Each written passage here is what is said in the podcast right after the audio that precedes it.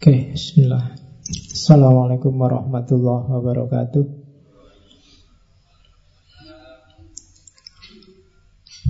Bismillahirrahmanirrahim.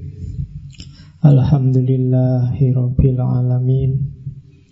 Alhamdulillahi nahmaduhu wa nasta'inuhu wa nastaghfiruh wa na'udzu billahi min syururi anfusina wa min sayyiati a'malina.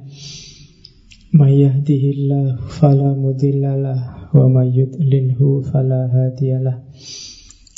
Allahumma salli wa sallim wa barik ala habibina wa syafi'ina Sayyidina wa maulana Muhammadin wa ala alihi wa ashabihi wa ala kulli manit taba'ahuda amma ba'du.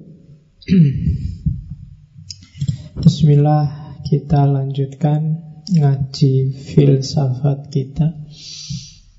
Alhamdulillah, ternyata ngaji kita, masjid kita sudah dianggap penting. Jadi perlu Facebooknya diblokir. Ada orang yang menyempatkan diri berarti kan dianggap penting dirimu sekarang. Alhamdulillah ya. Dan tidak masalah sama sekali bagi kita. Malah kalau saya ngaji itu tidak usah diumumkan. Pokoknya Rebu malam Kamis ngaji. Kalau ada pengumuman itu mungkin ada kemungkinan kosong. Jadi justru pengumuman itu untuk mengumumkan kosong Bukan mengumumkan ada ngaji. Jadi teori dasarnya adalah Pokoknya Rebu malam Kamis ngaji. Tidak harus nunggu pengumuman Seandainya mau kosong, baru ada pengumuman. Biar kamu nggak kaget. Biar nggak usah capek-capek ke sini. Jadi teori awalnya itu aja Ada Facebook atau tidak ada Ada WA atau tidak ada Pokoknya Rebu malam kemis ngaji Kecuali diumumkan kosong Nah gitu aja lebih simpel Syukur-syukur Facebooknya bisa sembuh atau ya ikut aja di WA tadi yang ditawarkan takmir ya kan bisa untuk diskusi, bisa untuk ngobrol. Tapi urusan jadwal ngaji pokoknya kita sepakati aja malam kemis. Pengajian Rebu malam kemis. Boleh disingkat pengajian remek. Nah, nah ya remek saya ngaji kesel kafe. Sejak pagi sudah capek Oke, bismillah. Malam ini tema kita adalah kebahagiaan, happiness, saadah. Masih di lingkup itu. Sebenarnya tema bulan ini saya ambil secara insting aja. Ternyata memang hari kebahagiaan internasional itu tanggal 20 Maret jadi pas. Itu janjinya ya tidak sengaja mungkin ya memang sudah takdirnya begitu. Jadi pas kita ngomong kebahagiaan sebenarnya kita ada di bulan kebahagiaan internasional. Oke malam ini kita masih di dunia muslim. Setelah minggu lalu ketemu Al-Farabi hari ini kita ketemu Ghazali tokoh besar Islam Sunni. Kalau katanya Swimmer yang orientalis Jerman itu empat tokoh besarnya Sunni yang paling berpengaruh itu yang pertama Nabi Muhammad, yang kedua ya, ya orientalis kan Nabi Muhammad dijajar sama yang lain. Nabi Muhammad, yang kedua Bukhari, yang ketiga As'ari, dan yang keempat Ghazali. Tidak mungkin kalian nggak pernah dengar nama Ghazali. Zaman saya dulu kuliah S1, kalau mahasiswa sudah sumpah nyari judul, pelarian terakhir Ghazali. Karena bahannya banyak, terjemahannya banyak. Tinggal milih yang belum apa ada zuhud menurut Ghazali, sabar menurut Ghazali. Pokoknya semua kabeh nurut sama Ghazali. Nggak ada yang nggak nurut. Itu kan sama kayak mahasiswa tafsir, isinya selalu nurut Al-Quran. Sabar dalam Al-Quran. Zuhud dalam Al-Quran. Pokoknya selalu dalam Al-Quran. Oke, gula dalam Al-Quran. Ya, akhirnya dirubung semut Qurannya. Oh, ada gula kok dalam Al-Quran. Oke, saya tidak tahu yang ada di kepala teman-teman tentang Ghazali apa. Dulu waktu sesi filsafat Islam kita sudah menyinggung sedikit tentang Ghazali. Tokoh yang ilmunya lengkap dalam tradisi kajian Islam. Ya fikih, ya kalam, ya tasawuf, dan termasuk filsafat, dia juga ahli. Jadi tokoh yang multidisiplin. Multidisiplin itu orang barat nggak percaya. Bagi orang barat manusia itu sak jago-jago ini mendalam di ilmu itu ya satu, spesialis. Tapi sejarah membuktikan banyak tokoh yang ilmunya multidisiplin. Tidak kayak orang modern sekarang. Mungkin karena orang modern sekarang banyak kenyamanan-kenyamanan sehingga agak manja. Tapi orang dulu meskipun hanya bekalnya tinta yang dicelup, lampu yang tidak terlalu terang, tapi karyanya luar biasa, ratusan kita sekarang yang fasilitasnya luar biasa, pingin kitab apa tinggal download, tapi kan akhirnya kita jadi manja. Zaman dulu para ulama nyari satu, satu hadis itu bisa jalan berbulan-bulan. Kamu download maktabah samilah itu dapat ribuan hadis langsung, tapi dibuka aja enggak. Oh, itu menurut saya kemanjaan-kemanjaan postmodern. Jadi kita kita jadinya generasi yang tidak tangguh di bidang sains.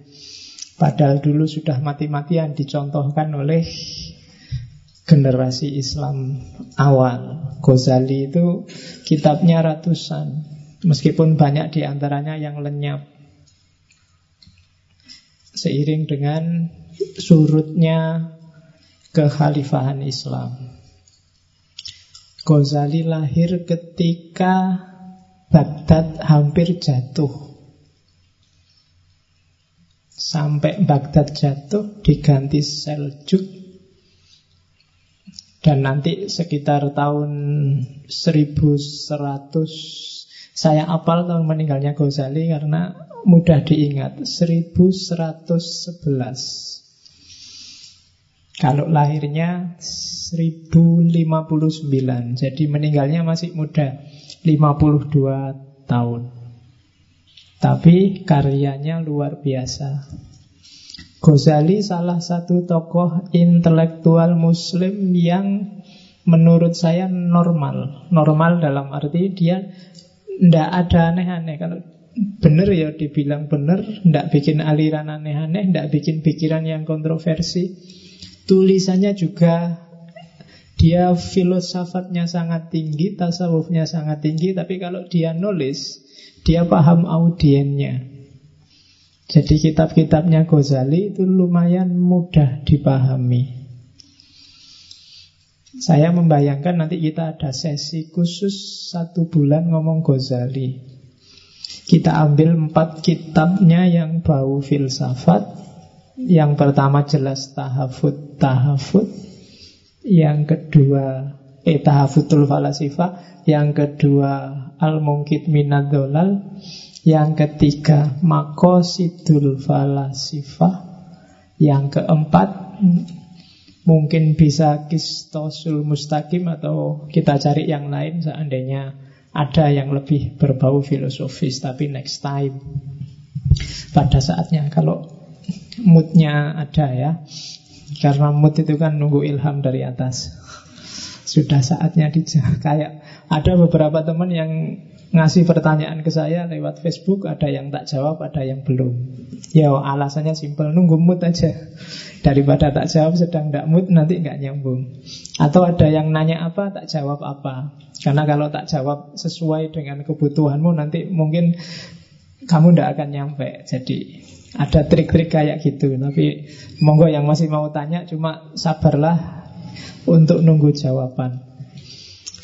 Terus yang perlu dicatat dari Ghazali Dia awalnya intelektual murni menjelajah hampir semua keilmuan Islam dan nanti berakhir dalam tradisi tasawuf.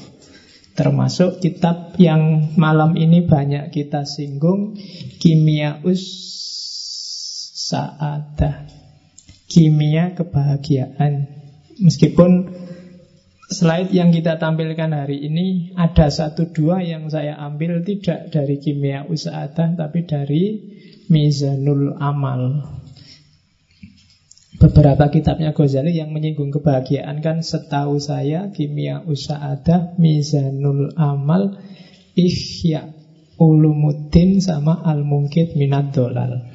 Cuma yang dominan malam hari ini kita ambil dari Kimia Usa'adah. Ghazali memuncak karir intelektualnya ketika Nizamul Mulk jadi Perdana Menteri. Dan, dan dia mulai susut dalam arti berbalik dari tradisi intelektual kerajaan menjadi tradisi tasawuf itu setelah Nizamul Mulk terbunuh. Itu kan era ontran-ontran bagi teman-teman yang suka sejarah silahkan dibaca betapa kerasnya memang persaingan antara Sunni dan Syiah. Di antara akibat negatifnya itu Nanti kan ada di kalangan si A Ismailiyah ada garis keras yang namanya Nizariyah. Di kalangan Nizariyah ini muncul satu sekte luar biasa yang isinya banyak pembunuh berdarah dingin kan sekte khusus untuk yang dimanfaatkan untuk politik tapi sebenarnya ini sekte bawah tanah semacam mafia zaman itu namanya Hassasinia. Ketuanya namanya Hasan bin Sabah. Dan jangan salah istilah dalam bahasa Inggris assassin pembunuh itu dari situ sebenarnya. Nah, ya. Kalau di game itu nanti diadaptasi jadi game namanya Assassin's Creed. Kalau di film mungkin kalian ada yang maniak game itu. Ya, di film kalian lihatlah Prince of Persia, di situ ada. Ya sekali-kali nonton film lah, kamu jangan ngaji kitab terus. Ya, jadi itu Hasasiniyah dan Hasasiniyah ini nanti yang sukses membunuh Nizamul Mulk. Ini kelompok teroris yang tidak kasar kayak ISIS. Jadi dia ndak ndak nyasar orang-orang awam di pasar-pasar di jalan-jalan kayak ISIS, tapi dia kalau sudah target yang ditarget pimpinan-pimpinan. Jadi zaman itu kalau dia sudah ngincer pimpinan, khalifah atau gubernur, itu biasanya dikasih dia ada biasanya senjata senjata andalannya pisau kecil itu. Jadi dia bisa menyusup ke mana-mana dan nggak ketahuan. Jadi biasanya kalau gubernur yang diincer itu tiba-tiba pagi-pagi di atas bantalnya sudah ada pisau itu. Itu alamat sampean sedang tak awasi. Tidak akan selamat dari tanganku kalau tidak sesuai yang dia inginkan. Misalnya kalau tidak mengakhiri kerjasama dengan siapa, kalau tidak melakukan apa. Jadi pisau yang ditaruh di bantal itu menunjukkan bahwa lingkungan orang dalam sudah ada yang jadi anggotanya asasinia.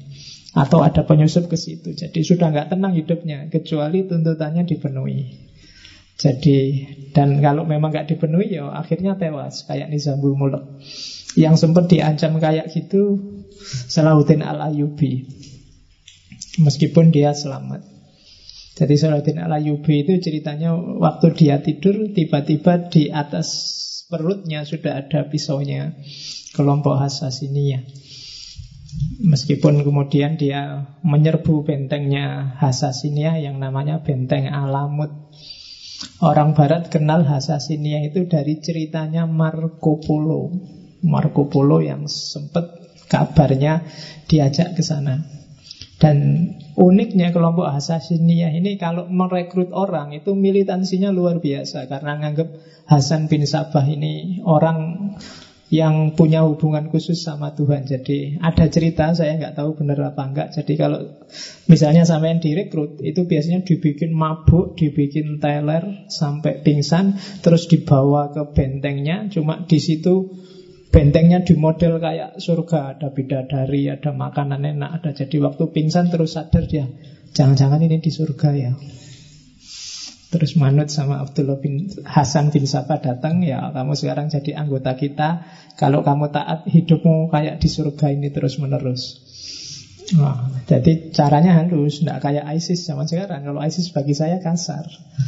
Yang Jadi prinsipnya Hasasin itu Pembunuhan yang tidak perlu tidak usah jadi yang memang harus dibunuh, dibunuh. Kalau enggak, ya enggak. Jadi daripada bunuh orang banyak, kalau enggak suka sama Obama misalnya, ya langsung aja ditarget Obama.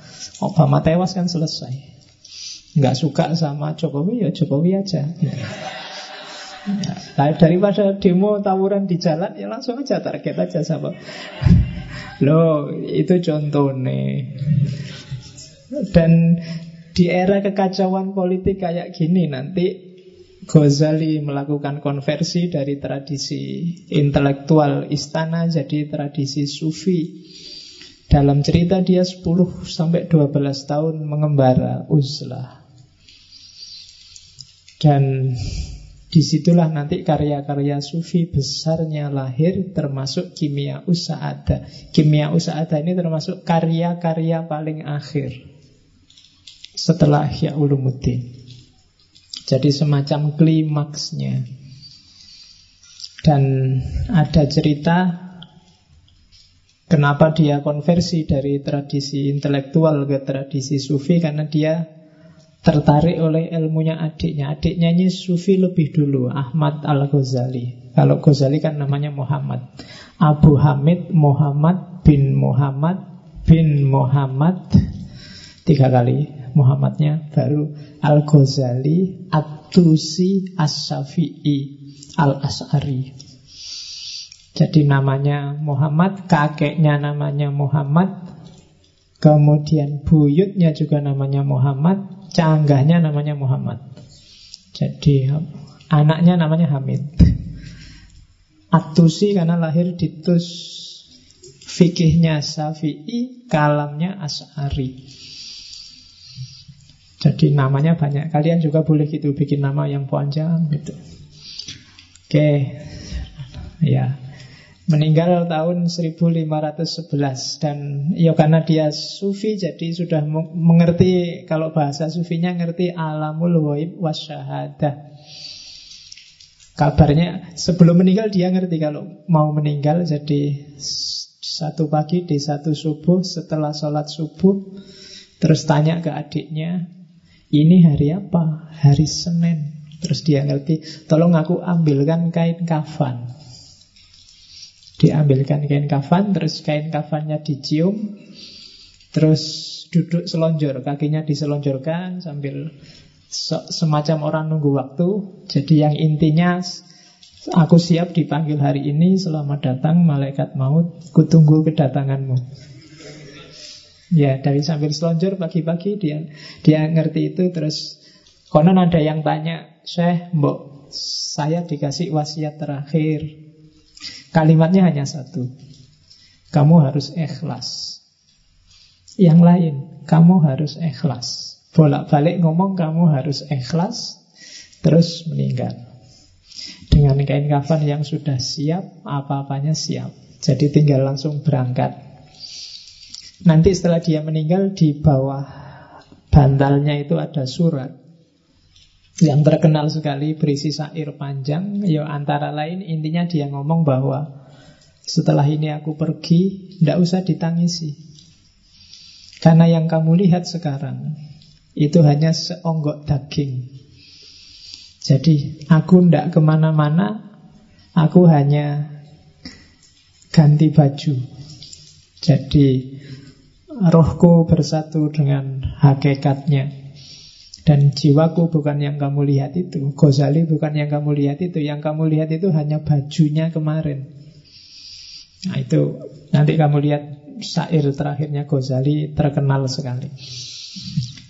Oke Karena Ghazali ngomongnya sering pakai bahasa yang mudah dipahami Kadang-kadang para pengkaji, para intelektual itu menganggap kurang tinggi analisisnya. Tapi menurut saya justru di situlah letak jeniusnya Ghazali. Filosof itu kadang-kadang kelemahannya sebenarnya pikirannya biasa-biasa, cuma cara ngomongnya bulat. Itu menurut saya problem. Itu yang bikin filsafat tidak disenangi orang.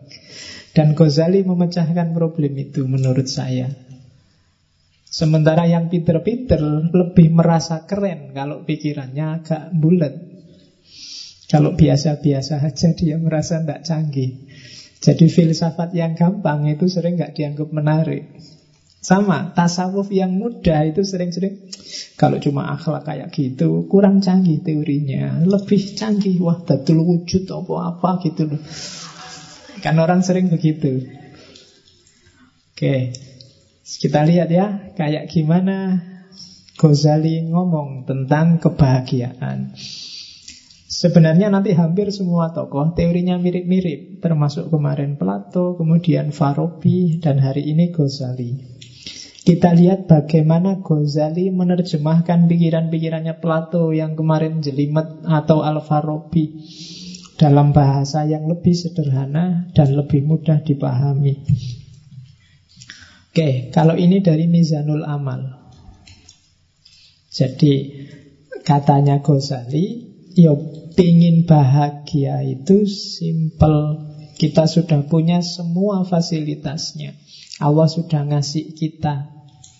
Apa yang dikasih? Kenikmatan duniawi dan kenikmatan ukhrawi. Semuanya nikmat. Yang pertama ini ranking. 1, 2, 3, 4, 5 itu ranking. Ranking paling atas itu nikmat ukhrawiyah. Nikmat besok di akhirat. Sukar dijelaskan Percayalah saja. Karena kalau dijelaskan Penjelasannya pasti Tidak bisa eksak. Hasilnya biasanya malah debat Besok di akhirat kayak gimana? Berapa ya dinginnya surga? Berapa ya panasnya neraka? Kira-kira surga itu kalau pakai AC itu berapa PK kira-kira? Yang itu susah membayangkan. Ngomong yang eskatologis Itu hanya bisa dipercaya. Tapi di sana digambarkan nikmat luar biasa.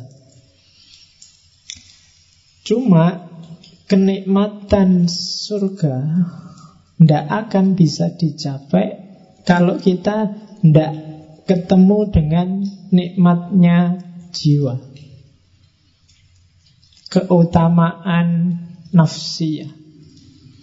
Kalau di dunia ini jiwa galau Tidak tenang Entah karena apa Tidak mutmainah Ya kamu tidak akan ketemu kenikmatan ukhrawi. Makanya kan di Al-Fajr itu Ya ayat Tuhan nafsul mutmainnah. Kalau makomnya jiwamu belum nyampe mutmainnah Kamu tidak akan ketemu nikmatnya ukhrawi. Jadi jiwamu harus stabil dan nikmat dulu.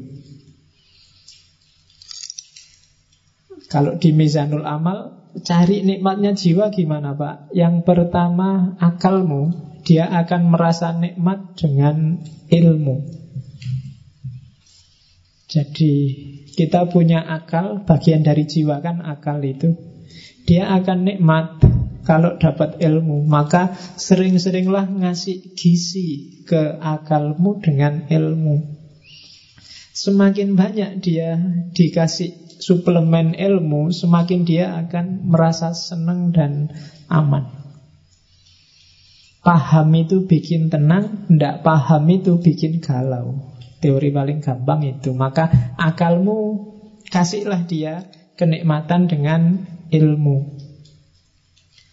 Terus dirimu, maksudnya kedirianmu, pribadimu, bikinlah dia nikmat dengan warok. Warok itu menjaga diri Jangan ngawur hidupmu kalau pengen tenang. Ya rumus paling gampang Jangan lakukan yang haram Yang maksiat Jauhi yang subhat Kalau kalian jauh dari tiga hal ini, pribadimu akan merasa tenang. Jangan ketipu oleh enak sementaranya yang haram dan yang maksiat, apalagi yang subhat. Jadi, kalau akalmu selalu dapat suplemen ilmu dan dirimu terjaga dari yang jelek-jelek, kamu akan nyaman, jiwamu akan tenang. Terus yang ketiga, meskipun begitu, kamu juga harus memanjakan jiwamu dengan kesungguhan dan keberanian. Hiduplah yang serius, hiduplah yang punya cita-cita, punya target, dan berani. Yang keempat, adil. Adil itu hiduplah secara proporsional baik di level fisik maupun di level rohani. Jadi proporsional itu ya yang harusnya 10 dikasih 10, yang harusnya satu dikasih satu. Fisik itu adil kalau sehari butuh makan tiga kali ya dikasih tiga kali. Itu adil rohani itu adil ya sesuai dengan kebutuhanmu. Misalnya sudah waktunya nikah ya nikah aja. Sudah jatuh cinta waktunya pacaran ya jatuh cinta aja ndak apa-apa. Nggak usah dibendung-bendung. Saya anti pacaran pak, ndak mau jatuh cinta pak. Kalau jatuh cinta ya jatuh cinta aja. Kenapa enggak? Wong itu fitrah. Yang ndak boleh kan melampiaskannya kayak gimana. Tapi yang fitrahmu untuk suka pada lawan jenis, bukan yang sesama jenis loh ya. ya. Itu penuhilah, tidak apa-apa. Kalau ini terpenuhi, kamu akan utama jiwamu, nafsiyahmu, tenang, mutmainnah. Baru kamu dapat kenikmatan ukhrawi. Cuma syaratnya tidak akan sempurna jiwamu tenang kalau badaniahmu tidak sempurna. Ya kayak tadi loh. Kalau fisiknya tidak adil, waktunya ada makannya, kamu puasa terus, harusnya ada tidurnya, kamu pakai melek terus, jiwamu juga tidak akan tenang, tidak akan mutmainnah. Harusnya kamu kawin, malah bisa empat kok malah tidak kawin-kawin. Ah, itu tidak mutmainnah. Harus dibikin tenang. Karena nafsu itu kalau tidak kamu tenangkan, lama-lama dia akan meledak. Karena dia nuntut terus disuruh bungkem, nuntut terus disuruh bungkem. Pada saatnya dia akan menyusahkanmu. Sama kan kadang-kadang santri itu waktu di pondok tidak boleh lihat TV, tidak boleh Baca koran tidak boleh, bawa HP tidak boleh itu. Begitu keluar dari pondok kuliah, dia yang pertama nyari pacar. Karena kemarin nggak boleh apa-apa, sekarang kumat. Ya, jadi ndak badaniahnya beres dulu. Kalau badaniahnya nggak beres, jiwamu ndak akan beres. Kaya dulu, punya istri dulu, pinter dulu, fasilitas dulu, baru jiwanya bisa tenang. Jadi badania. Kalau rumusannya Ghazali paling gampang untuk ngecek apakah badaniamu sudah nikmat, sudah bahagia, yaitu yang pertama sehat. Yang kedua kuat. Sehat itu kan berarti fit. Apa ada sehat yang tidak kuat? Ya banyak. Saya sehat pak, cuma tidak terlalu kuat. Nah, olahraga biar kuat. Ya kan? Tidak cukup sehat tapi juga harus kuat. Yang ketiga, elok. Elok itu cakep. Jangan khawatir setiap orang cakep sesuai perspektifnya masing-masing. Tidak apa-apa. Ya, kamu semua orang cakep. Jangan khawatir. Nah, bahagialah. Kalau enggak, kamu enggak akan bahagia jiwamu. Kalau kamu tiap hari aku kok jelek itu enggak. Enggak akan bahagia hidupmu. Wis anggap aja cakep wis tau, cok khawatir. Payu payu. Ya. Itu kan kamu mikir, jangan-jangan ada yang gelisah, Pak, apa ada yang mau besok sama saya, Pak? Pak, pasti ada. Asal standarmu jangan tinggi-tinggi. Ya, jadi sehat, kuat, cakep, dan yang terakhir, yakinlah bahwa kamu panjang umur. Tenang mesti kamu. Sehat, Ketika kamu sehat kan kamu ceria sayang. Kuat, kuat juga gandengannya sehat. Mau apa-apa sanggup Itu kan kuat. Jalan ke mana? Ayo. Cakep. Jadi kamu merasa Pokoknya tidak ada celahnya diriku ini. Allah ngasih aku lengkap Alhamdulillah. Dan panjang umur Orang yang merasa punya kualifikasi empat ini secara badaniah, maka dia sebenarnya sedang bahagia secara fisik. Cuma selanjutnya, untuk nikmat badaniah kita butuh kenikmatan eksternal dari dunia di luar diri kita. Kita butuh punya harta, itu kan di luar. Kita butuh punya keluarga, itu di luar. Kita butuh dihormati orang, itu juga dari luar. Jadi kita butuh kenikmatan dari yang di luar diri. Dari kenikmatan di luar diri itulah diri kita akan merasa nikmat secara fisik. Dari nikmat secara fisik itu kita akan nikmat secara rohani, secara jiwa. Dari kenikmatan rohani itu pada akhirnya secara ukhrawi nanti kita juga akan nikmat.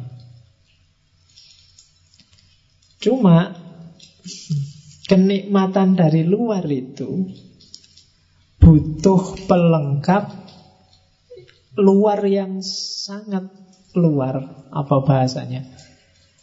Yaitu apa? Kenikmatan taufikiyah. Kenikmatan yang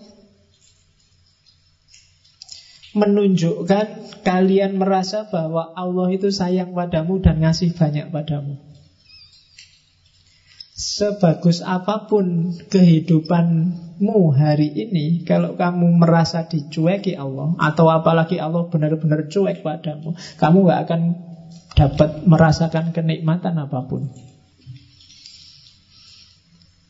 Kamu melakukan korupsi, Enak loh korupsi itu. Kamu dapat banyak uang. Mau apa aja bisa. Tapi karena kamu tahu bahwa dengan kamu korupsi ini Allah tidak akan ridho padamu. Maka tidak jadi nikmat. Kamu nyontek Ujian. Enak kan nyontek itu nggak perlu capek-capek belajar Bisa langsung jawab. Dan benar lagi dan bagus lagi Dosen ini sampai heran, ini kuliah tidak pernah masuk. Makalah tidak jelas. Disuruh ngomong-ngomong apa juga temennya nggak paham. Tapi jawabannya sip, akhirnya dikasih A. Tapi karena kamu ngerti itu nyontek, Amu itu bukan sumber kebahagiaan. Kenapa? Karena kamu ngerti bahwa sebenarnya Allah tidak ridho dengan nyontekmu. Maka dasar dari semua kenikmatan tadi adalah keutamaan taufik. Taufiki dapat hidayah, dapat inayah, dapat petunjuk rus dan seterusnya. Jadi pertama-tama yakinlah bahwa Allah ridho padamu. Setelah itu carilah bekal yang kamu butuhkan untuk nikmat, untuk bahagia nyari harta, nyari kehormatan, nyari status, nyari cari tidak apa-apa itu sumber kehormatan. Kalau itu sudah dapat, maka kamu akan dapat kenikmatan duniawi, kenikmatan badania. Dengan bekal kenikmatan badania ini, jiwamu juga akan nikmat, bahagia, akan tenang. Ketika jiwamu bahagia, insya Allah besok akhiratmu bahagia. Bandingkan dengan orang yang sejak awal sudah tidak dapat ridhonya Allah. Maka kenikmatan eksternal tadi akan jadi sumber bencana. kenikmatan badaniahnya akan disetir oleh nafsunya, maka jiwanya nggak akan jadi tenang. Dan di akhirat juga otomatis kacau. Jadi rumus pertama bahagia adalah pastikan bahwa menurutmu yang kamu lakukan itu diridhoi oleh Allah. Oke, setelah itu baru mikir nyari uang di mana, nyari kerja di mana, nyari istri di mana. Kalau sudah dapat kekayaan, dapat status, dapat kerja, itu kan nikmat. Hasilnya semua itu kenikmatan badaniahmu. Kamu jadi sehat, kamu jadi kuat, kamu jadi elok, kamu jadi tampan. Kemarin nggak punya duit, beli sampo sama sabun aja.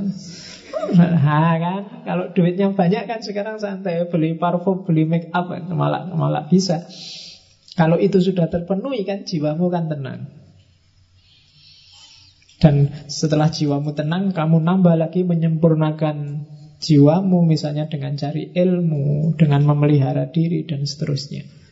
Maka ketika kamu meninggal, kamu akan mutmainnah dan kamu akan dapat kebahagiaan ukhrawi. Oke, dasar teori awal itu. Teori kedua, man arofa nafsahu arofa robbahu. Kunci kebahagiaan, katanya Ghazali, kenal dirimu. Kalau kamu sendiri masih nggak paham siapa kamu, apa maumu, kamu tidak akan bisa bahagia.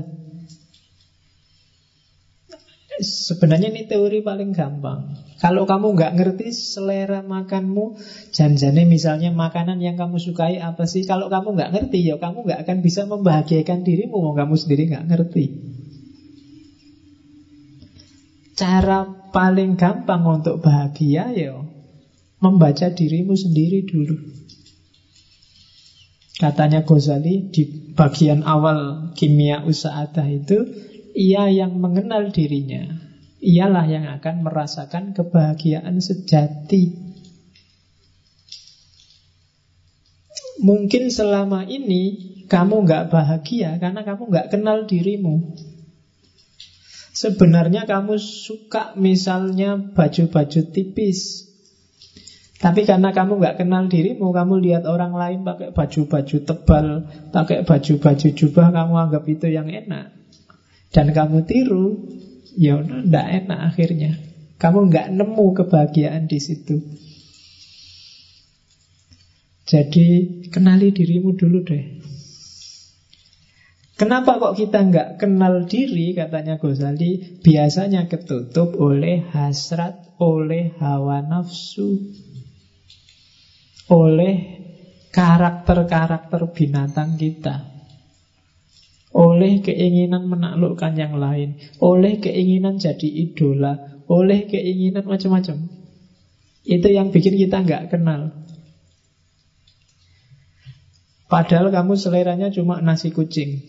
Tapi karena ingin dianggap keren Kamu milih restoran-restoran mahal Yang ada stick, ada apa. Padahal begitu lihat stick kamu janjani mau muntah. Coba nganan opo itu. Tapi yo Biar dianggap keren Terpaksa kamu sambil nutup hidung dimakan. Tidak enak karena kamu nggak kenal dirimu sendiri. Ketutup hasratmu untuk dianggap anak gaul Sebenarnya pakai jin itu mungkin kamu tersiksa luar biasa Wong meletup kayak gitu gimana? Tapi kalau nggak pakai jin nggak keren pak. Padahal kan yang paling keren itu kan menurut saya kan pakai sarung paling enak.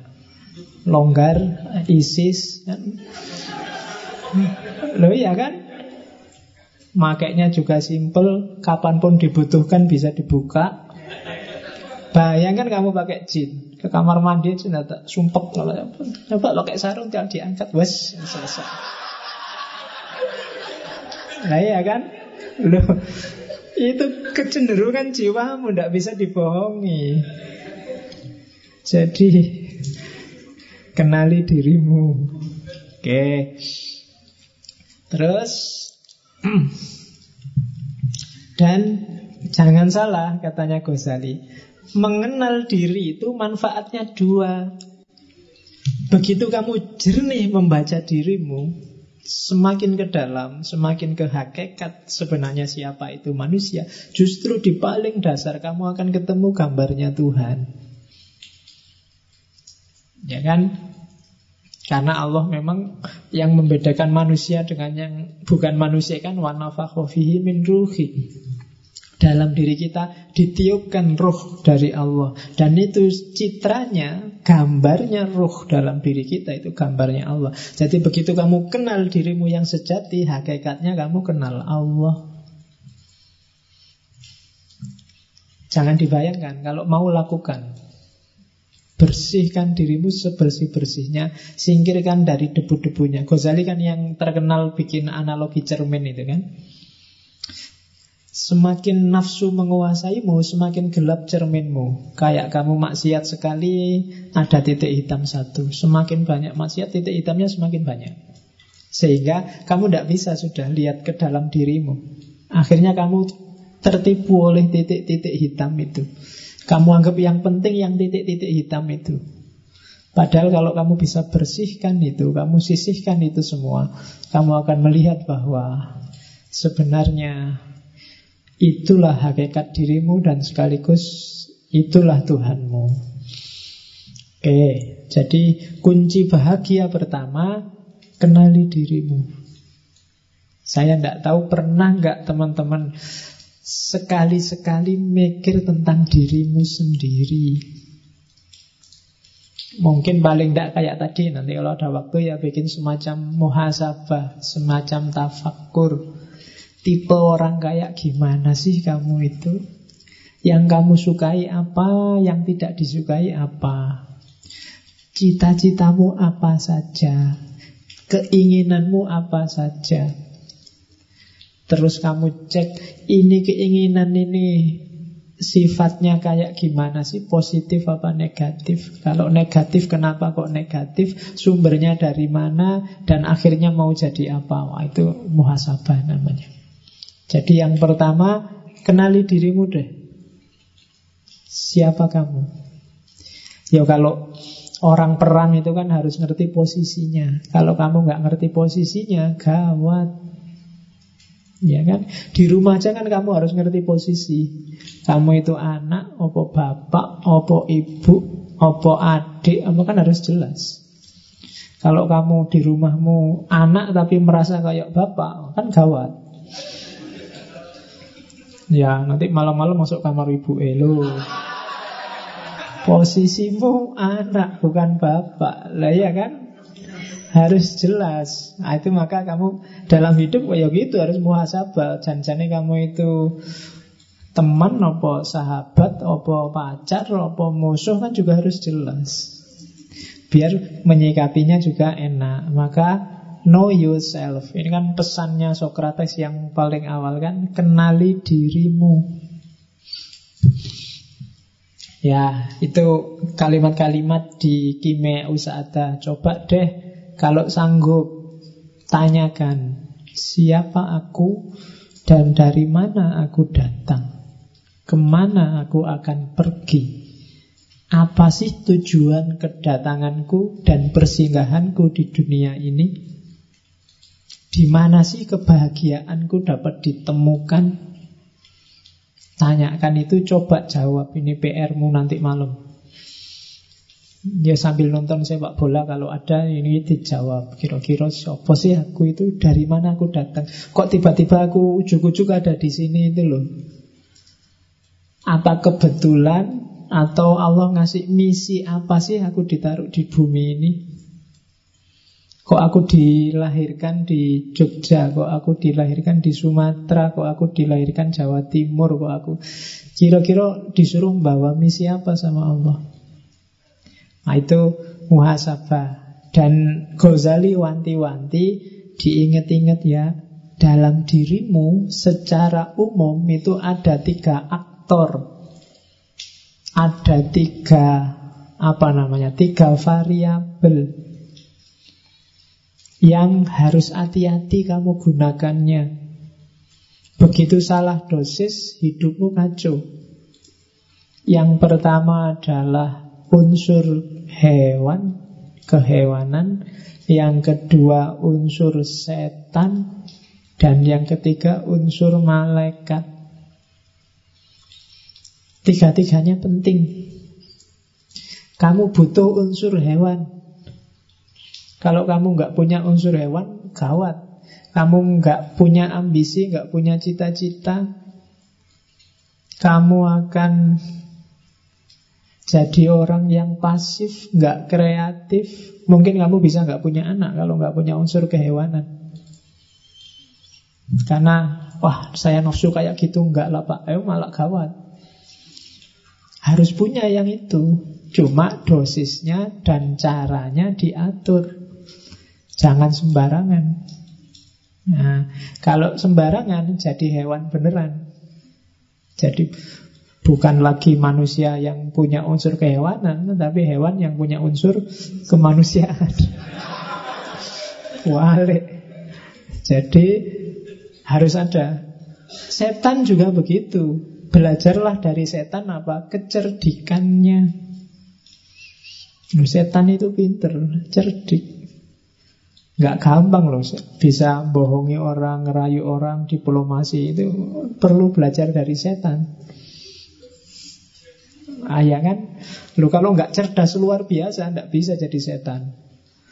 Kamu bisa mengerayu orang, orangnya punya akal. Manusia kan dikasih bekal akal, dan itu setan ditantang untuk menaklukkan dan sering sukses. Ya kan? Lu setan itu kan sering sukses. Kadang-kadang setannya belum ngapa-ngapain itu sudah sukses. setan ya geleng-geleng kepala dan yang menungso belum diapa-apain wis manut. Oke. Dan malaikat Jangan salah, dalam dirimu ada malaikat Potensi untuk pasrah tunduk total 100% pada Allah tanpa bantah. Karakter-karakter baik 100%. Cuma malaikat yang murni tidak ada hewannya, tidak ada setannya. Ya. Jadi tidak manusiawi. Jadi manusia itu mix antara tiga-tiganya. Jadi bukan tiga-tiganya dibuang atau dipilih yang mana, tapi kontrollah tiga-tiganya sesuai dengan dosisnya masing-masing. Kalian harus ngerti dosisnya, ngerti takarannya. Jangan berlebihan. Katanya Ghazali, untuk bisa ngerti takarannya, yang ngontrol harus akal. Kenapa harus akal? Gambarannya kayak kota, katanya Ghazali. Jadi jiwa kita itu adalah kota besar. Rajanya beda sama Farabi kemarin. Rajanya bukan akal, tapi hati. Kolab jadi katanya Ghazali enggak, akal itu bukan rajanya, akal itu tunduk pada kolok. Suka dan tidak suka, kecenderungan batinmu. Jadi Ghazali melihat manusia itu disetir oleh kecenderungannya. Akal, dalil, argumen, pikiran itu datang belakangan mendukung kecenderungan hatinya. Maka bereskan dulu hatimu Karena hati itu rajanya Bukan kayak di Farabi kemarin Akal rajanya Jadi kamu itu ikut partai apa dulu Baru kamu cari dalil kenapa partaimu itu bagus. Kamu itu jatuh cinta dulu Baru cari argumen kenapa kamu jatuh cinta padanya. Kamu suka dulu baru nyari alasan kenapa kamu suka. Atau tidak suka dulu baru nyari alasan kenapa kamu tidak suka. Jadi rajanya adalah hati Maka kan banyak pengajian-pengajian manajemen kolbu Nah itu bahas raja Ya besok kita bikin tandingannya manajemen akal Ya. Jadi tugasnya akal apa? Akal panglima perang. Hati itu tugasnya ngasih nasihat, berfatwa. Sementara pekerjanya, panglimanya di lapangan itu akal. Prajuritnya itu syahwat dan amarah. Jadi dua-duanya ya yang satu wali kotanya, yang amarah itu polisinya kalau katanya Ghazali. Jadi dalam diri kita itu isinya polisi yang marah-marah, kemudian wali kota yang penuh ambisi, dan panglima yang punya kekuatan ngatur, serta raja yang mengendalikan. Begitu rajanya nggak beres, maka panglimanya juga disuruh ngatur untuk ke arah yang tidak beres. Syahwat akan jadi penguatnya karena dari situ muncul ambisi hasrat. Kemudian kekuatan amarah jadi pendorongnya. Jadi hati-hati, makanya hati harus lembut, baru yang lain ikut lembut. Kalau hati kasar, akalmu juga akan mengarah pada kasar, sahwatmu juga dikontrol oleh kekasaran dan amarahmu akan semakin menyala. Jadi maka katanya Ghazali, amankan kota jiwamu. Pertama-tama bereskan hatimu, kemudian perintahkan panglima untuk mengendalikan wali kota dan polisi. Kalau enggak, ya alamat kotamu kacau balau. Jangan sampai nanti nafsunya memberontak mengalahkan hati dan akhirnya nafsunya yang jadi raja. Juga jangan sampai polisinya, amarahnya yang jadi raja. Dan jangan sampai juga akalnya yang jadi raja. Yang harus jadi raja hatinya. Oke. Terus karena itu katanya Ghazali itu kalimat tak copy paste.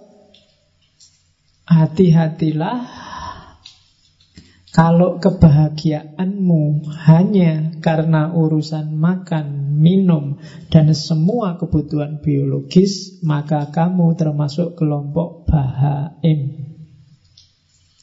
Kalau kebahagiaanmu terletak pada menang kalah, Siapa ranking satu, siapa ranking di bawahnya.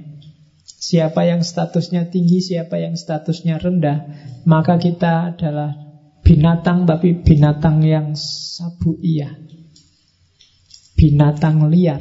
Kalau tadi bahaim itu binatang ternak, peliharaan. Kalau hidup kita yang bikin kita bahagia adalah tipu daya, muslihat, mencurangi orang lain, maka kebahagiaan kita adalah kebahagiaan jenis kebahagiaannya setan. Dan kalau yang bikin kita bahagia hanya urusan kita menyembah pada Allah, ibadah, tidak membangkang sama sekali, maka kita ada di level malaikat.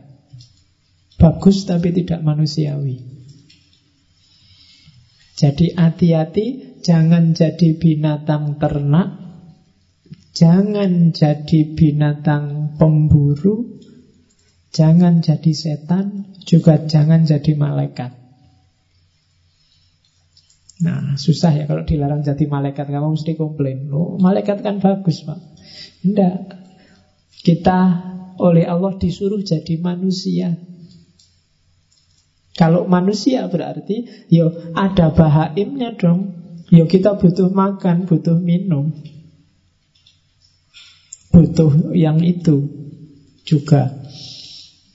Ya kan? Ya.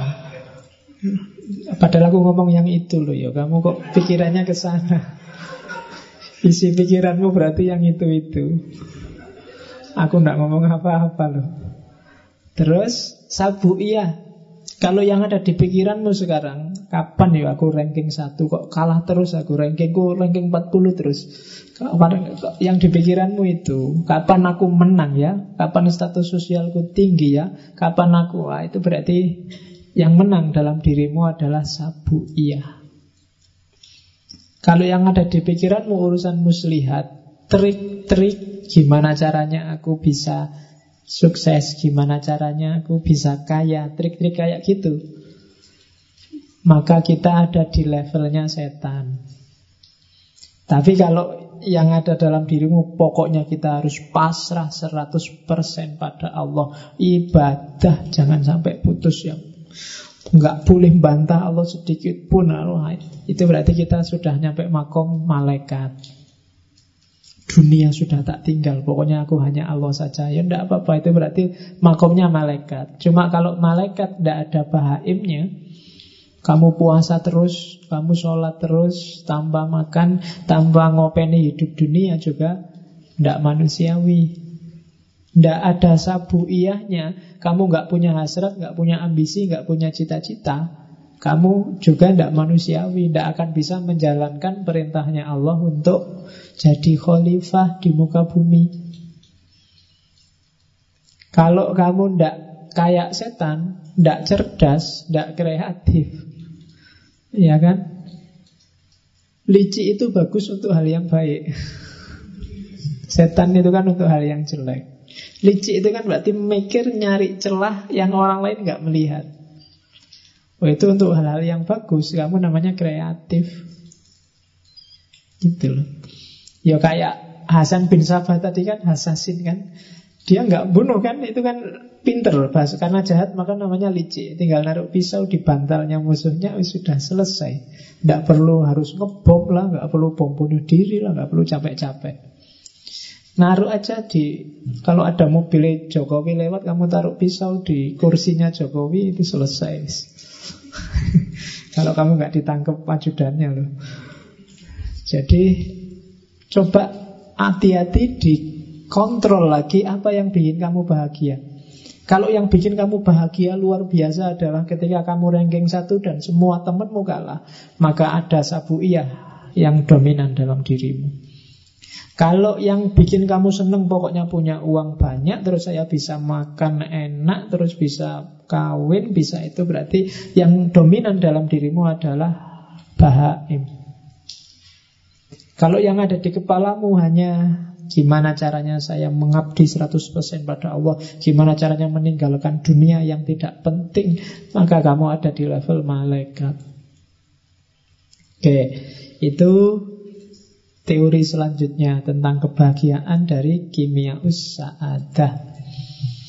Oleh karena itu, katanya Ghazali, untuk bahagia waspadai dua hal dan penuhi satu hal. Waspadai sahwat dan amarahmu dan carilah bekal ilmu. Untuk ngerti semua tadi, untuk bisa kamu muhasabah secara pas dan sesuai, satu-satunya jalan adalah ilmu. Kamu ngerti yang sedang main ini binatang apa malaikat, harus ngerti ilmu. Kalau enggak, ya kamu enggak bisa muhasabah dengan baik. Nah, ini kan ujungnya sebenarnya sama kayak Plato dan Al-Farabi kemarin. Jalan untuk bahagia itu ya ilmu. Dengan ilmu orang bisa melakukan kebaikan. Setelah dia melakukan kebaikan pasti bahagia. Kalau di Ghazali kan dibalik. Karena kalau orang awam ujuk-ujuk disuruh pakai ilmu mesti males. Wah, kok ilmu belajar ya, baca buku ya, mau males duluan.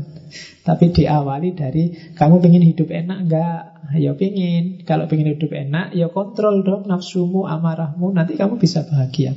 Caranya gimana? Ya ilmu. Jadi ilmunya di belakang. Kalau orang awam lebih lebih enak ditawari manfaatnya dulu. Kalau ditawari ilmu di depan sudah males. Belajarlah biar kamu pinter. Males. Males wis tahu mesti. Wis kan dhisik ya ngono. Cuma kalau dibalik, wah pinter lah. Kalau pinter kamu dapat manfaat gini gini gini. Caranya gimana? Ya belajar.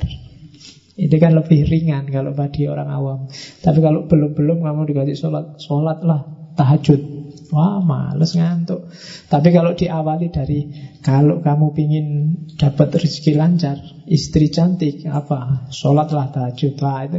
Kalau ngerti embel-embelnya di depan, mesti agak semangat di belakang.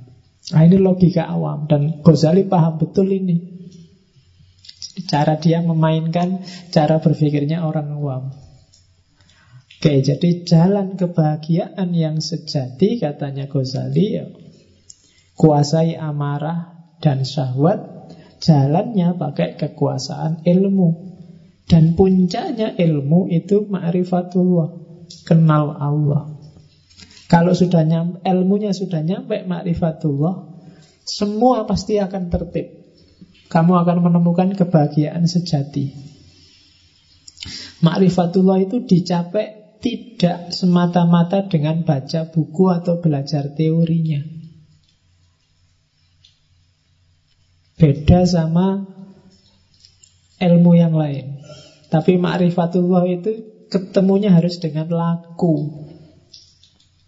Tidak bisa kamu ngerti teori jujur Tapi kamu harus benar-benar jujur Nggak bisa kamu hanya ngerti teori berbakti pada orang tua Tapi kamu harus berbakti benar pada orang tua Ma'rifatullah ilmu yang jenis itu Jadi akan kamu peroleh sendiri Kalau kamu dekat sama Allah jadi, Dan untuk dekat sama Allah harus ada laku tertentu dan kalau orang yang sudah makrifat itu biasanya otomatis urusan yang lain semuanya beres. Sebelum semua urusan beres orang tidak akan nyampe makrifat. Nah itu jalan kebahagiaan. Jadi kuasai amarah, kuasai sahwat lewat ilmu. Harusnya semakin pinter orang, semakin berkualitas hidupnya. Dan semakin dia merasa bahagia. Kalau kamu merasa semakin pinter, wawasanmu semakin banyak, kok hidupmu semakin sumpek. Ada yang salah dengan prosedurmu cari ilmu. Silahkan kamu muhasabah sendiri. Pak, saya ngaji filsafat mulai tahun lalu itu perasaan nggak berkembang apa-apa itu Pak. Ya coba dicek lagi deh, jangan-jangan ada yang salah. Jangan-jangan yang kamu incar dari ngaji ini bukan ilmunya, kopinya mungkin. Iya. Jangan-jangan cuma nyari kopi gratis. Jangan-jangan daripada nganggur. Jangan-jangan ah, banyak jangan-jangannya makanya. Maka dicek lagi. Terus ah ini saya ambil yang bahasa Inggris terjemahannya. Cara untuk menguasai amarah dan nafsu tadi. Kalimatnya Ghazali bagus. Oke, itu saya kasih foto yang itu karena Ghazali Tus, Tus itu daerah Persia dan orang Persia, orang Iran itu biasanya tinggi, besar, gagah dan brewokan. Ganteng-ganteng, nggak kayak orang Indonesia. Kecil, pesek, terus ngeyelan, cerewet. Orang sana gagah-gagah. Kalau ngomong aja mantep. Ya, katanya Ghazali, declare your jihad on certain enemies you cannot see. Katanya Ghazali, deklarasikanlah jihad terhadap 13 musuhmu yang tidak terlihat. Egoisme, arogan, konsep, egoisme, sombong, angkuh, selfishness, merasa benar sendiri, merasa bagus sendiri, merasa menang sendiri, greed, tamak, las, tamak, intolerance, anger, marah, bohong, cheating juga bohong, gossiping, siapa yang gosip, slandering, dan 13 itu if you can master and destroy them kalau kamu bisa menguasai dan menaklukkan 13 musuh itu then will be ready to fight the enemy you can see. Maka kamu akan siap mengalahkan semua musuh yang terlihat kalahkan 13 yang tidak terlihat itu kalau kamu sudah sukses mengalahkan itu maka semua musuh yang terlihat akan mudah dikalahkan Nah, rumusnya itu. Kalau dibaca enak, dirasakan juga mantap, dijalani yang agak susah. Yo jihad, makanya katanya Ghazali jihad dong, declare yo jihad. Deklarasikan jihad untuk melawan ini. Jihad berat, makanya katanya Nabi, jihad yang lebih berat daripada perang Badar loh. Perang Badar itu kan berat luar biasa. Berapa ratus orang melawan sepuluh ribuan orang. Sudah berat gitu katanya Nabi ini cuma jihad kecil. Ada yang lebih besar. Nah, apa? Mengalahkan dirimu sendiri. Dan katanya Ghazali, ya taklukkan 13 itu. Kalau kamu sudah bisa menaklukkan 13 itu, maka kamu akan siap menaklukkan semua yang lain. Kuncinya bahagia. Oke, terus Nah, puncaknya bahagia nanti katanya Ghazali tadi makrifatullah. Kalau orang sudah makrifatullah, kebahagiaan sejatinya justru ketika dia dekat dengan Allah. Mencintai Allah. Selama ini sebenarnya pikiranmu masih terjebak materi. Kalau kritiknya Hussein Nasr, itu yang bikin kamu susah mencintai Allah. Bagi kamu yang dicintai itu harus cantik Dan rumusmu tentang cantik adalah Yang kulitnya putih, rambutnya panjang kan itu Nanti ketemunya kuda yang warnanya putih Lah ya kulitnya putih, rambutnya panjang Oke, jadi enggak, jangan terjebak fisik. Coba katanya Ghazali. Ghazali ngajak mikir, coba ya kita renungkan. Mengapa Allah harus jadi cinta kita yang paling puncak. Yang pertama, kalau kita suka segala sesuatu yang bikin kita semakin sempurna, kamu suka minyak wangi karena minyak wangi bikin kamu semakin sempurna baumu. Kamu suka apa saja, baju bagus karena baju bagus bikin kamu perfect penampilanmu. Padahal katanya Ghazali coba dipikir Yang bikin semua itu Yang merealisasikan kamu sehingga puncak jadi sempurna Itu kan Allah Kamu suka orang yang membantumu Karena dengan dibantu kamu semakin berkualitas. Kamu suka orang apa pun itu nanti yang bikin kamu semakin baik Semakin sempurna Allah pada puncaknya. Harusnya Allah yang paling kamu sukai katanya Ghazali. Dia harus nomor satu. Rumus kedua, kalau kamu suka pada orang, pada temanmu, pada tetanggamu yang sering berbuat baik padamu, suka jemput, suka nganter, suka SMS, suka mention di Facebook, itu kan berbuat baik. Malam-malam aja tanya, sudah tidur apa belum?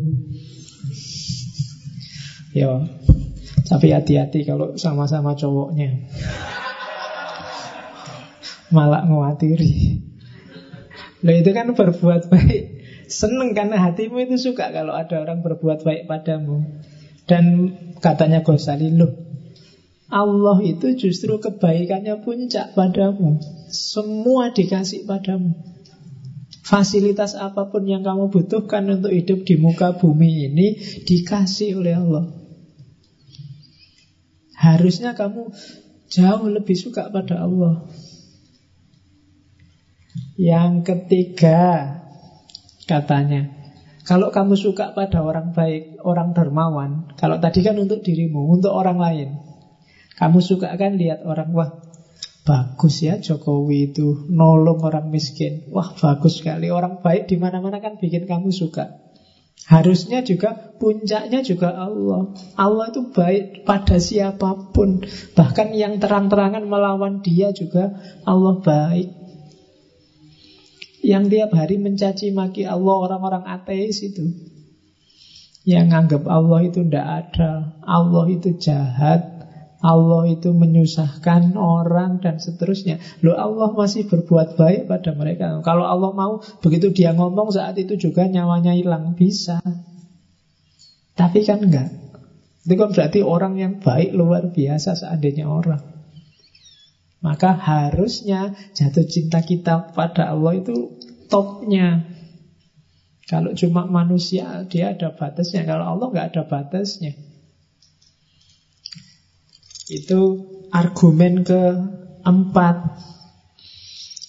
Terus, kalau kamu suka segala yang indah, segala yang cantik, bukankah menurutmu Allah itu maha indah, maha cantik, bahkan maha segalanya, kecuali mahasiswa? Ya satu-satunya yang maha tapi bukan Allah itu mahasiswa. Nah, itu kan harusnya Allah yang paling kita cintai. Jadi pada puncaknya ternyata ada Allah. Allah itu maha indah Pak Ya saya bilang tadi Kamu nggak bisa menangkap kemaha indahan Allah Karena pikiranmu terjebak fisik Susah untuk mencintai sesuatu yang tidak fisik. Itu yang bikin kita susah untuk jatuh cinta pada Allah. Hubungan kita sama Allah selama ini bukan hubungan cinta, tapi hubungan formalitas. Atau jangan-jangan hubungan juragan sama buruh. Kadang-kadang dibalik kamu merasa jadi juragannya. Allah kamu perintah-perintah.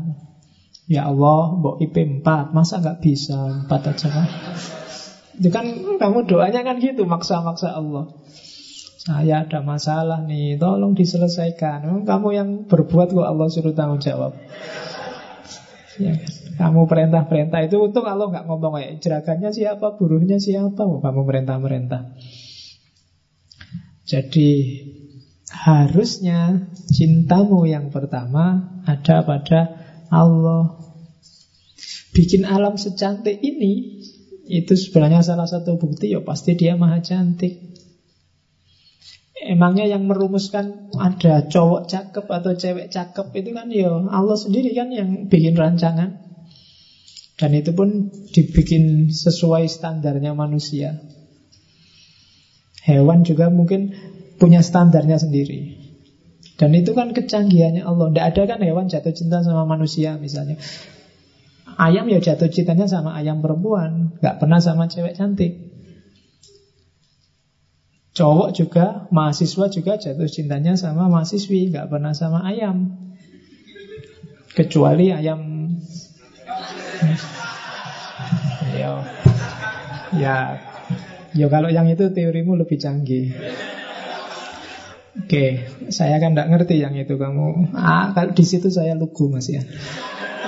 Oke. Terus. Oke. Terakhir katanya Ghazali, kalau orang mencintai sesuatu karena cocok dengan dirinya, misalnya kamu baik, suka juga sama orang baik. Kamu orangnya suka makan, kamu juga suka sama orang yang suka makan. Kamu orangnya suka humor, kamu senang juga orang sama suka humor, dan seterusnya. Kalau kamu jeli, coba kamu cek bahwa Allah sangat sesuai dengan dirimu, dengan hidupmu. Kamu apa aja, Allah ada mahanya. Kamu adil, Allah maha adil. Kamu suka kedekatan Allah maha dekat. Kamu suka keakraban Allah maha akrab. Ya kan Ra'uf, Rofik dan seterusnya. Bahkan kamu suka ketegasan Allah syadidul ikob Pada yang salah. Ada semua mesti cocok. Makanya para sufi selalu nyuruh kita Taholak bi ahlakillah. Tirulah karakternya Allah. Kenapa kok bisa ditiru? Karena sama sekufu sama kita meskipun beda level. Jadi Allah maha penyayang, kita menyayangi bisa. Allah maha pengasih, kita mengasihi bisa. Berarti sepadan. Harusnya kita jatuh cintanya sama Allah, katanya Ghazali. Lah kok bisa kita jatuh cinta pada yang bukan Allah? Pasti kamu sedang ketipu, katanya. Kamu ndak pol jatuh cintanya. Kamu masih main di level bawah. Coba pikir lagi, apa sih yang bikin kamu jatuh cinta sama harta? Harta bikin saya enak, Pak. Loh, Allah jauh lebih dari itu. Harta memenuhi kebutuhanku Pak Allah sejak dulu sebelum kamu lahir Masih di perut ibumu dipenuhi kebutuhanmu Apa yang bikin kamu jatuh cinta sama lawan jenismu Ya enak Pak Enak apa nih belum kawin Ya kan Loh Allah berkali lipat bikin kamu enak Bahkan nggak cuma lewat jalur itu Lewat jalur makan, lewat jalur ilmu, lewat jalur minum, lewat jalur persaudaraan, persahabatan, kekeluargaan itu kan nikmat-nikmat yang luar biasa. Harusnya kamu jatuh cinta dong pada Allah. Bukan pada yang selain Allah. Nah, itu argumennya Ghazali. Nah, ini kalimat tak potong dari kimia usada. Kebahagiaan tertinggi bagi seorang awam adalah surga. Sementara kebahagiaan tertinggi bagi bagi orang-orang khawas adalah ridhonya Allah. Jadi surga itu iming-iming bagi orang biar dia jalan menuju ridhonya Allah. Sama karena kayak anak kecil itu loh, ketika dia belum bisa jalan berdiri, untuk mancing dia bisa berdiri Ibunya ngasih Ayo pisang, ayo Pokoknya kegemarannya dia. Ditaruh di depannya Biar dia berdiri meraih itu. Cuma targetnya ibunya Biar anak ini berdiri dan bisa jalan. Ya kalau dia nyampe dikasih sih pisang itu Tapi intinya kan Alhamdulillah sekarang bisa jalan jadi itu logikanya surga sama ridhonya Allah Kalau kamu menuju surga Kamu dapat ridhonya Allah dan juga sebenarnya kalau kamu menuju ridhonya Allah, surga jadi nggak penting. Kalau kamu sudah jalan seperti maunya ibumu tadi, pisangnya tidak penting lagi. Jadi, ya dulu mungkin orang apa-apa kan serba matematis sama Allah juga dagang. Kalau gini untungnya apa, kalau gitu untungnya apa. Sementara mikir abstrak agak susah. Maka ditawarilah dengan jannah, dengan surga yang ilustrasinya sangat fisik. Ya sesuai jangkauan pikiran masyarakat zaman itu. Bahwa di surga besok ada kolam susu, kolam madu, ada bidadari, ada... Itu kan fisikal. Tapi puncaknya adalah sebenarnya keridoan Allah. Apa tidak boleh Pak saya mimpi ke surga? Boleh. Jalan menuju surga adalah jalan yang sama sebenarnya menuju keridoan Allah. Cuma kalau terminal akhirmu surga dan kamu berhenti di situ, matok di situ, mungkin kamu nggak ketemu keridoan Allah. Akhirnya ibadahnya jadi matematis, disuruh apa-apa dihitung. Kalau saya sholat duha untungnya apa? Wah rezekimu lancar Oke okay. Ya kan? Kalau saya sholat tahajud apa? Wah semua kebutuhanmu dipenuhi Oke okay. Kan selalu gitu kamu negosiasi Begitu kamu sholat duha lama Rezeki tidak lancar-lancar Pak Jangan-jangan bohong nah, Ya kan? Karena kamu kamu pertimbangannya matematis Seolah-olah Allah nggak ngasih apa-apa padamu Karena hitunganmu ya harus kaya Dengan sholat duha kalau saya sodakoh seribu, nanti dapatnya tujuh puluh ribu. Benar kok Pak? Iya, janjinya Allah. Begitu nggak dapat tujuh puluh ribu, wah bohong kan mana? Ya kan? Jadi itu yang yang manusia awam katanya Ghazali mikirnya selalu ke situ. Tapi ya udah apa-apa karena itu jalur yang sama kok menuju keriduan Allah. Kalau memang tidak nyampe ya harus begitu. Retorikanya. Cuma semua innalillahi wa inna ilaihi bukan wa ilal jannah. Semua dari Allah dan akan kembali ke Allah. Oke, terus ya. Nah, tadi kenapa kok kamu gagal mencintai Allah? Kenapa kok kamu gagal kenal sama Allah? Ini Ghazali mengidentifikasi. Ada enam orang ada enam sebab. Yang pertama adalah kamu tidak yakin Allah itu ada. Jadi orang, contohnya orang-orang kafir. Kita punya gaya ini mungkin di level tertentu nggak sedahsyat orang kafir. Tapi puncaknya yang jelas orang kafir. Dia tidak ngakui kalau Allah itu ada. Dia menganggap dunia seisinya ini ada dengan sendirinya. Ya mungkin karena kombinasi antara zat apa, sel apa, dan seterusnya. Dunia ini ada. Katanya Ghazali, orang-orang ini kurang piknik. Oh, bahasamu kan gitu sekarang. Jadi orang-orang ini nggak pernah piknik. Itu kayak orang yang melihat tulisan tapi nganggep tulisan itu ujuk-ujuk ada. Ujuk-ujuk tiba-tiba ada. Yang, yang tidak Jawa kan bingung kamu memahami ujuk-ujuk. Jadi ada gaya orang kayak gini. Orang yang tidak yakin Allah itu ada, ya tidak akan mengenal Allah. Kita kadang-kadang gitu kan. Keyakinan kita Allah kan sering bilang Ana indah abdi. Kalau kamu anggap Allah itu A Ya A itulah Keberadaan Allah. Kayak kamu berdoa kan. Kamu kan doa dikabulkan katanya Allah kan Ya sesuai keyakinanmu. Misalnya saya itu bodoh pak Sejak dulu IP tidak pernah lebih dari dua Ya berdoa aja supaya IP-mu 4 Tidak mungkin Pak. Ya, ya itu. Hasilnya itu. Keyakinanmu tidak mungkin Ya tidak mungkin memang. Jadi Allah indah dhoni abdi. Pak wajah saya kayak gini Apa ya bisa dapat yang cakep besok? Tidak mungkin Pak. Ayo meskipun kamu berdoa Sementara kamu merasa tidak mungkin Yes, yes sejumlah itulah Allah Masuk dalam doamu. Saya anaknya orang miskin ya Pak. Apa bisa kaya? Ya Nah kamu berdoa kayak tiap hari ya siapa tahu. Tapi kamu nggak mungkin ya sudah enggak. Allah intervensi sejauh keyakinanmu. Jadi kamu tidak akan kenal Allah Kalau kamu memang nggak ingin kenal. Mungkin kamu merasa lebih penting kenal Loma Irama, Ahmad Dhani, Ahok Atau SBY atau Jokowi. Buktinya kalau ketemu salaman Kamu masukkan Facebook, kamu masukkan WA habis salaman sama tokoh A. Jejer sama tokoh B kan gitu kamu tiap hari. Tapi kan kamu nggak nggak terlalu wow kalau sedang wah ini aku baru kenalan sama Allah. Nggak ada. Bahkan mungkin nggak pernah ada yang bikin status begitu.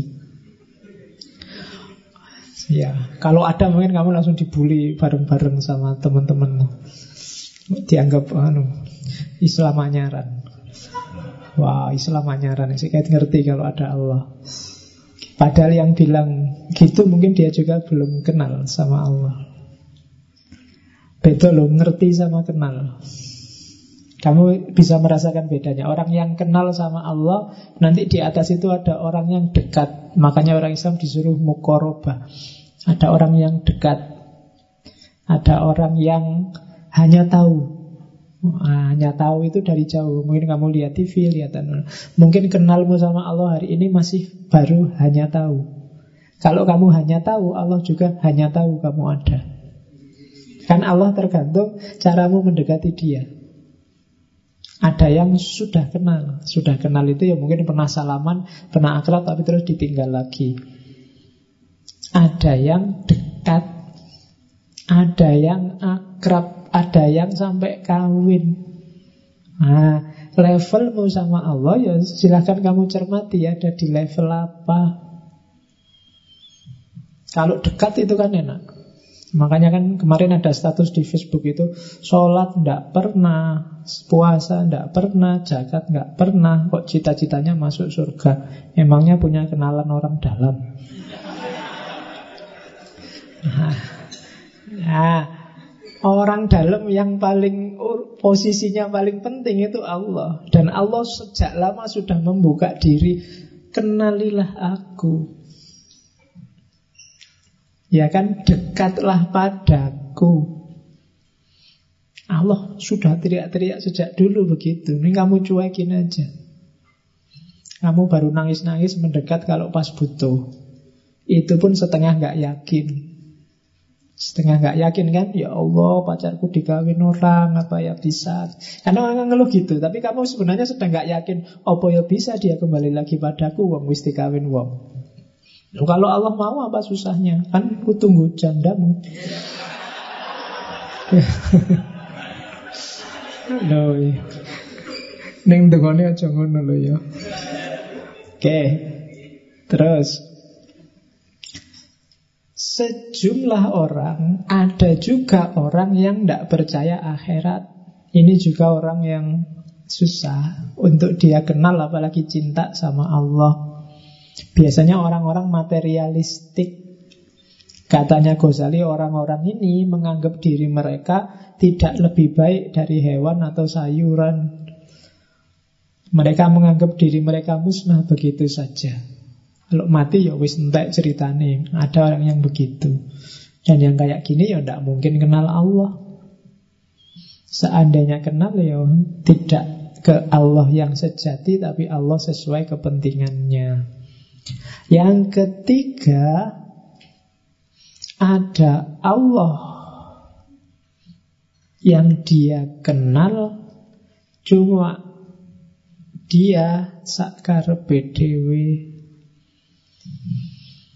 itu orang yang bilang Allah itu tidak butuh kita tidak butuh sholat kita tidak butuh puasa kita. Apa sih gunanya puasa kita? Yang kayak gitu ke Allah sholat kita yang kayak gitu ke Allah? Sudahlah biar aja. Tidak usah. Yo percaya Allah tapi nggak pakai ibadah-ibadah. Lah Allah emang butuh itu. Yang kayak gini juga tidak akan kenal, tidak akan sampai pada Allah.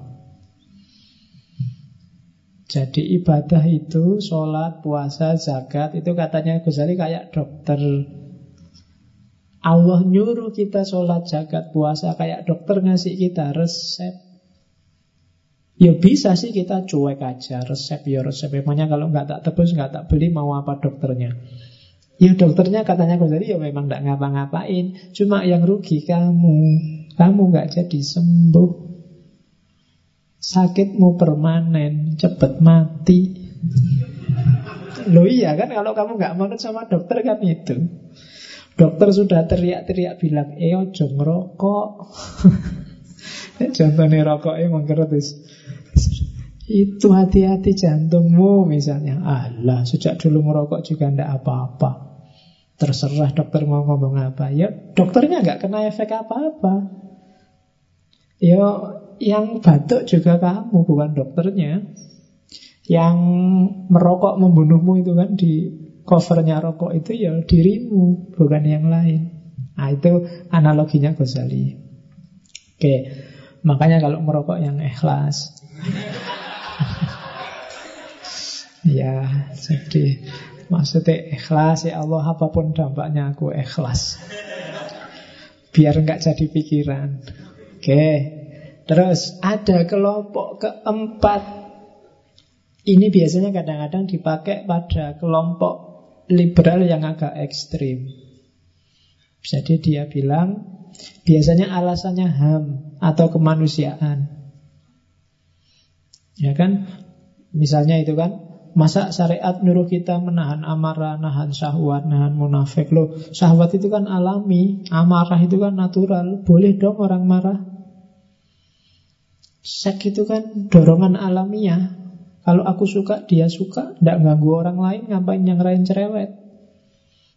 Itu kan mikirnya. Alamiah kok. Nah, cara mikir kayak gini Katanya Ghazali dia sebenarnya sama kurang piknik. Jadi mikirnya setengah-setengah. Iya bener itu dorongan alamiah. Agama juga nggak nyuruh mengeliminasi dorongan itu, cuma diatur. Agama cuma ngatur, akalmu juga ngatur. Biar apa? Hidupmu semakin berkualitas, hidup ini nggak kacau. Kalau kamu seks bebas, bebas-bebas, rusak hidupmu. Setiap kali ketemu perempuan, ayo, oke, okay. kamu juga oke, okay? aku oke, okay. ayo. Kalau kamu iya rusak hidupmu. Nanti nggak peduli siapa dia, yang penting gelem. Jadi kacau. Makan juga begitu. Bukan berarti yo alami sih makan, natural aja makan, tapi ya diatur. Nabi nyuruh jangan sampai terlalu kenyang. Kemudian macam-macam. Wala tusrifu. Jangan makan A, jangan makan B. Itu sebenarnya bukan kok jangan apa kamu nggak boleh makan, tapi pahamilah batasnya orang makan, pahami caramu melampiaskan hasrat. Bukan berarti nggak boleh itu, tapi kamu harus sah dulu, kawin dulu, biar jelas aturan mainnya. Ya kayak orang sepak bola itu harus ngerti batas pinggir lapangannya mana. Kalau enggak nanti sampai di luar stadion masih sepak bola. Ya kan tidak ada gunanya. Atau sudah di sama wasisnya Pertandingan berakhir kamu masih asik di situ Ya tidak ada gunanya. Jadi agama itu ngasih kita batas. Jadi biar kita ngerti batasnya. Yo alamiah iya. Cuma agama ngasih kita petunjuk melampiaskan yang alami itu apa. Kalau cara mikirmu kayak gitu, katanya Ghazali ya tidak akan kenal Allah. Terus yang kelima, orang-orang yang permisif. Tiap ada apa-apa, tenang aja. Allah maha pengampun. Allah maha penyayang. Dosa dikit-dikit besok tobat. Kita wujud atau dosanya rontok. Misalnya. Ya, bukan berarti ideologi kayak gitu keliru. Tapi kalau gayamu kayak gini, kamu tidak akan bisa kenal Allah. Itu kamu seolah-olah meremehkan seolah-olah nganggep tenang aja lah kayak dosa ini gampang. Orang tuaku itu mudah memaafkan. Orang kayak gini kan biasanya menjebakmu sendiri. Sama Allah juga begitu. Maksiat dikit-dikit, tenang aja Allah maha pengampun Agak besar dikit, ampunannya Allah lebih luas daripada dosa kita Meremehkan Nah itu juga trouble. Kalau mentalmu mental gini Ya tidak akan kenal Allah yang sejati. Yang keenam Ini kebalikan lima yang atas. Orang-orang yang sok soleh. Ini juga trouble. Merasa dirinya suci. Ah, kalau saya sudah bebas dari dosa, dunia tidak bisa lagi godo aku. Aku Nah, itu juga katanya Ghazali bahaya. Jadi tak bacakan aja ya. Kalimatnya agak nyelekit kalau bagian ini. Jadi orang yang ngaku mencapai tingkat kesucian tertentu sehingga merasa dia tidak bisa dipengaruhi oleh dosa. Katanya Ghazali, namun kenyataannya saat orang lain memperlakukan mereka secara tidak hormat saja, mereka akan dendam bertahun-tahun. Terus jika ada di antara mereka yang tidak mendapatkan sebutir makanan yang menurutnya adalah haknya, maka seluruh dunia rasanya sempit dia dan gelap. Pokoknya nesu-nesu merasa haknya dirampok. Katanya Ghazali, mereka ini, para mistikus palsu ini, kadang-kadang berpura-pura tenggelam dalam samudra ketakjuban. Tetapi jika kau tanyakan pada mereka apa yang mereka takjubkan, mereka tidak mengetahuinya. Jadi tiap hari dia merasa, wow, luar biasa Allah itu, luar biasa. Tapi dia wownya yang luar biasa. Kalau ditanyain yang diwaukan itu apa sih? Tidak tahu. Pokoknya wow aja. Ah, itu juga trouble katanya Ghazali. Ya tidak kenal Allah kalau ya gitu. Kalau bahasa hari ini mungkin lebay. Lebay ah. Allah nggak segitunya kok. Nggak usah kaget kayak baru kenal Allah kemarin. Sudah lama kita kenal Allah, sudah ngerti kita dengan segala kebesarannya. Jadi ketakjuban-ketakjubanmu simpanlah, tidak perlu lebay karena kuncinya adalah kenalilah Allah. Kalimat yang terakhir itu Ghazali mau bilang apa pun keadaannya kita adalah hamba dan Allah adalah majikan kita yang maha kuasa. Ini sebenarnya mau ngeritik orang-orang sufi yang berlebihan sampai ke level bahwa manusia dan Tuhan bersatu. Ini juga tidak akan kenal Allah Kalau jadi satu ya selesai Kenal itu kan ini aku, itu kamu, kenalilah aku, aku kenal dirimu. Itu kan kenal namanya. Makrifat itu aku tahu tentang kamu, sesuatu di luar diri kita. Kalau sufi yang agak berlebihan, tasawuf wahdatul wujud, itikat, hulul itu bisa menjebak orang bahwa manusia sama dengan Tuhan. Maka di kalimat terakhir Ghazali menegaskan ketahuilah, ingatlah bahwa yang maha kuasa yang menciptakan dan kita adalah hamba yang diciptakan. Jadi sederhananya begitu. Tugas kita kenal, paling puncak adalah makrifat. Bukan melenyapkan diri kita atau menganggap kita nggak ada yang ada hanya Allah atau apalagi kitalah Allah itu. Berarti tidak butuh kenal kalau hakikatnya sama. Oke, itu yang menghalangi orang dari bahagia karena tidak kenal Allah. Kalau orang punya enam karakter ini, dia tidak akan kenal Allah. Orang yang tidak kenal Allah tidak akan nyampe pada kebahagiaan yang sejati. Terus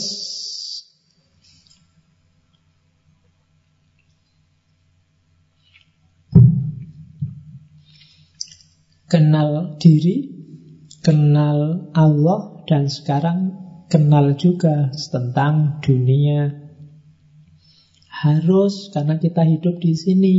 Kalau nggak ngerti ilmu dunia, kita tidak bisa hidup, tidak akan bisa bahagia karena kebahagiaan dunia itu imbasnya kebahagiaan akhirat. Kalau di dunia kita tidak bahagia, badania tidak bahagia, akhirat tidak akan juga bahagia. Kayak logika di awal tadi. Maka kunci bahagia selain kenal diri sendiri, kenal Allah juga kenal dunia. Kenal dunia itu targetnya dua, memelihara jiwa dan merawat jasad. Jadi dunia jadi jalan untuk kita bahagia di akhirat. Jiwa harus beres, jasad harus beres. Jasadmu jangan disiksa. Waktunya makan ya makan, minum ya minum. Nggak punya uang ya utang. Ya kan harus begitu. Jangan mau kelaparan, karena itu amanat dari Allah. Begitu jasadmu sehat, ibadah juga enak, cari ilmu juga enak. Kalau nggak jasadmu nggak sehat, belajar cari ilmu apalagi yang kayak gini mesti nggak nyambung. Kamu tidak memelihara jasadmu, jarang tidur, jarang makan, jarang olahraga, ya nanti yang lain juga tidak maksimal. Jadi pelihara jasadmu. Ya sekali-sekali kamu pijat, spa, Iya, memanjakan diri kalau ada uangnya. Kalau nggak ada ya pijet-pijetan, sak-kancan. Lo itu memanjakan diri. Yuk kita saling memanjakan. Nah, pijet-pijetan apa? Oke, jadi dunia harus dikuasai. Begitu dunia dikuasai, akhirat akan beres. Karena akhirat lebih mudah. Jadi kunci kebahagiaan kenal dunia. Di kimia usada Mengenal dunia saya nggak akan panjang lebar, kamu sudah ngerti caranya. Bahkan Allah membekali kita untuk kenal dunia itu secara instingtif. Kamu nggak perlu mikir. Otomatis mesin yang namanya manusia akan nyari pemenuhan kebutuhan jasadnya. Kamu nggak perlu mikir kalau kamu makan otomatis nyari makanan sendiri. Kalau kamu haus otomatis nyari air untuk minum. Kalau kamu punya hasrat itu otomatis kamu mikir ke sana. Meskipun oleh agama diatur ya kawin dulu. Sebelum kawin ya kalau nggak mampu kamu disuruh puasa kan sama Nabi. Wa man lam yastati fa alaihi. Ya, kalau di pondok dulu dipeleset ke fa alaihi. Oke. Okay. Kamu ketawa apa ngerti? Iya. Tidak apa-apa ya.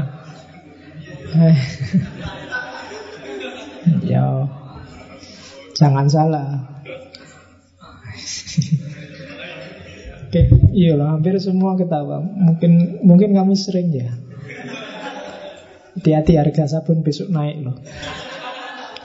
Oke, ter terus jadi itu yang kenikmatan dunia. Nah, Ghazali membahas khusus kenikmatan dunia itu tentang musik. Karena mungkin di era itu ada kritik-kritik terhadap sufi yang pakai musik, pakai puisi, pakai nyanyi-nyanyi. Katanya Ghazali, apa musik itu haram atau halal tergantung yang dibangkitkan apa. Musik itu kan yang disentuh jiwa. Nah, yang dibangunkan dari jiwamu itu apa? Tadi kan jiwamu ada setan, ada malaikat, ada kebinatangan. Kalau yang dibangkitkan yang negatif-negatif, hasrat kebinatangan, maka dia haram. Tapi kalau dia membangkitkan sesuatu yang bikin kamu lebih dekat sama Allah, maka dia halal. Jadi teori musik itu kan selama ini orang debat. Boleh nggak musik selawatan pakai musik, kemudian berdoa, diiringi puisi biar lebih nyaman. Kalau bagi Ghazali asal itu bikin kamu semakin dekat sama Allah maka boleh. Tapi kalau dengan musik itu yang bangkit dalam jiwamu adalah hasrat-hasrat kebinatangan atau kesetanan maka jangan. Dengar musik koplo, dengar dangdut yang goyang barbel, goyang apa itu kan yang bangkit kan pasti nggak. Kamu lihat masuk ingat, ya Allah kan nggak mesti. Pasti kalau lihat itu bukan Allah yang muncul di kepalamu kan? Iya. Mesti yang isinya kayak gimana ya? Mesti gitu. Jadi pikiranmu mesti yang yang aneh-aneh. Nah yang kayak gitu katanya Ghazali, enggak yang kayak gitu ya haram. Kalau flat pak Flat itu tidak ada yang bangkit apa-apa Ya standar aja pak nyari hiburan. Katanya Ghazali kalau hanya hiburan saja Itu boleh.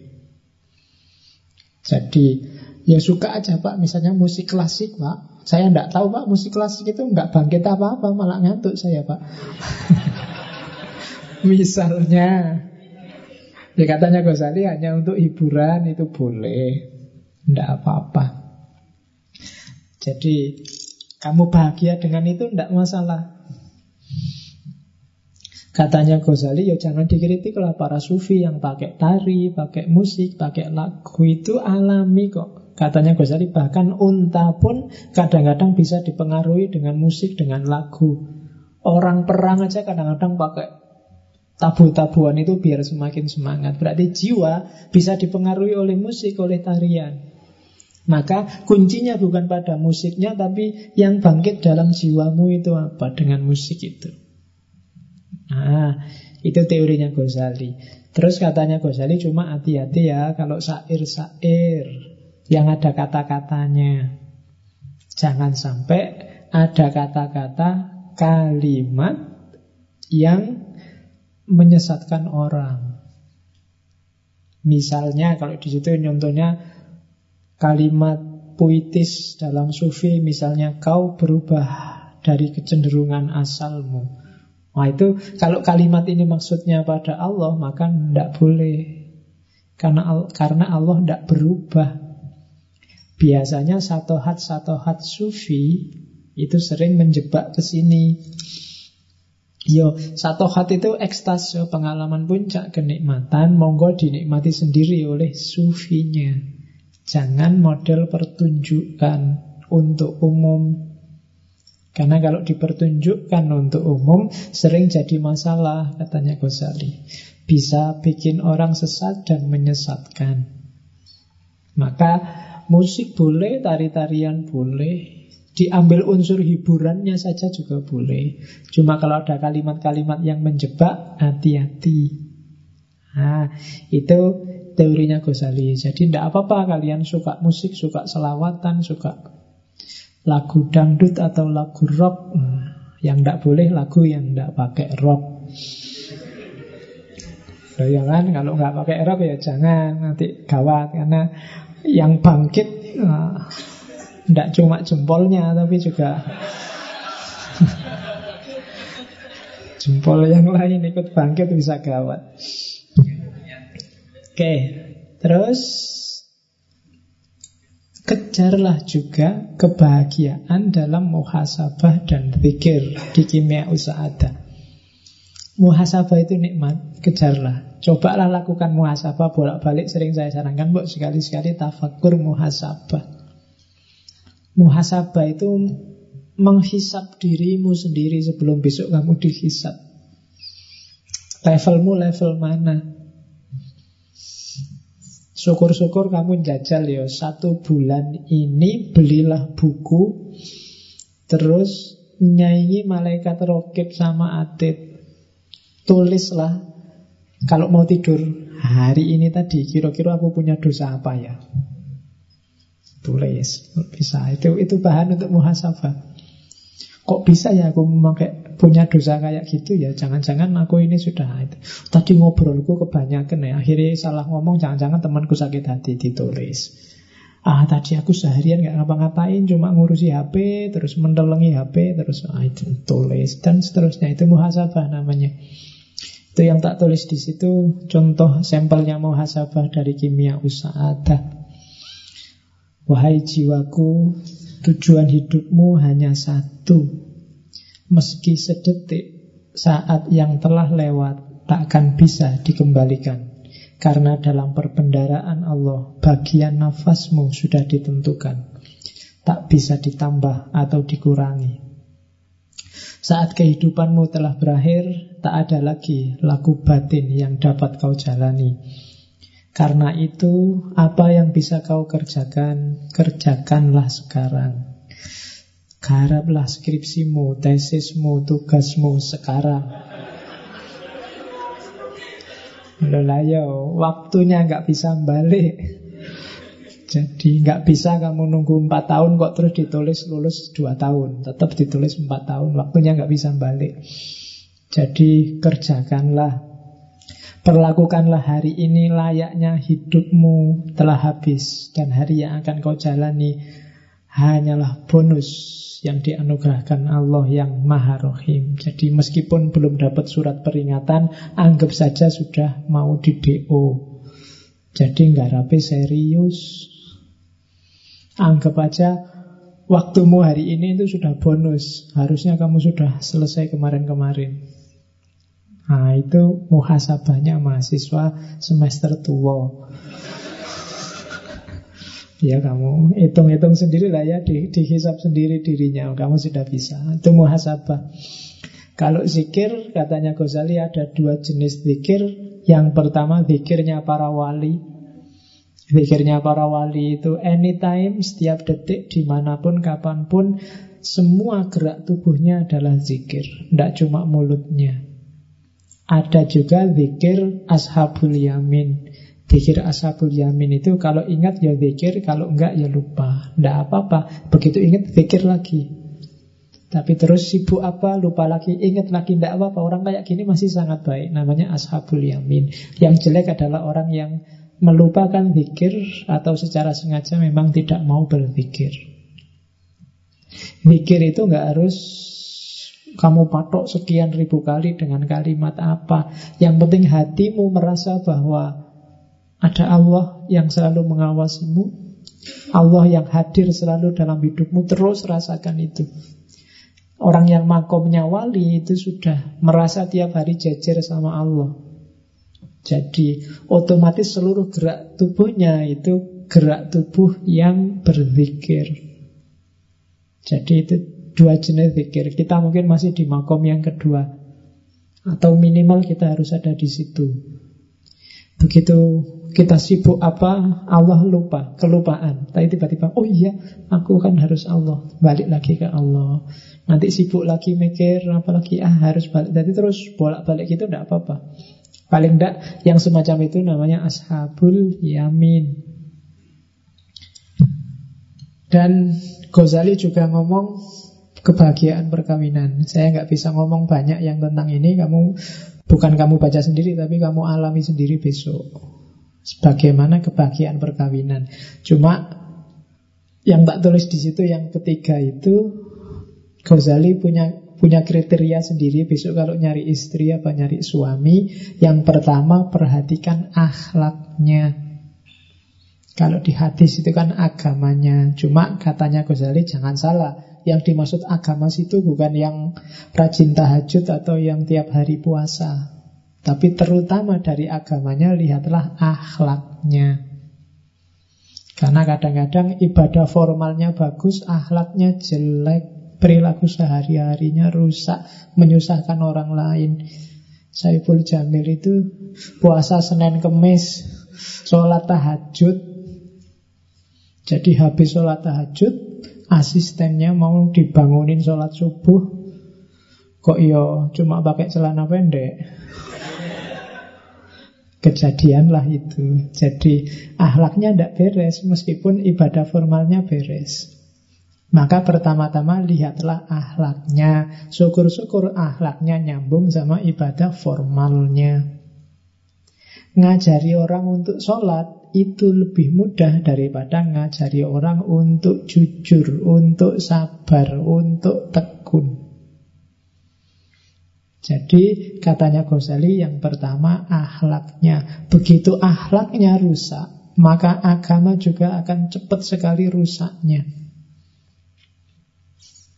Jadi pertama-tama pilihlah agama, cuma dari agama itu pilihlah yang pertama ceklah ahlaknya. Jadi kalau besok kamu nelisik orang yang mau jadi istrimu apa jadi suamimu, ya biasanya kalau orang kampung sholat ndak, puasa ndak, ya bagus-bagus saja. Cuma selain itu tanyakanlah ahlaknya, perilakunya pada orang tua, pada tetangganya, pada teman-temannya kesan mereka dan seterusnya. Jadi yang pertama ahlaknya, yang kedua kebiasaannya tiap hari apa?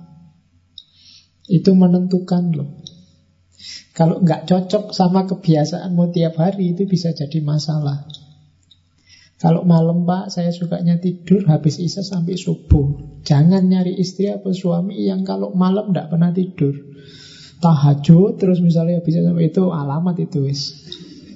Oh, mesti rame. Ya kan, ya kecuali kamu bisa ngajari suamimu, istrimu, ya mas tahajud, ya tahajud. Cuma ya karena sudah punya istri, ya sujudnya agak lama kalau tahajud.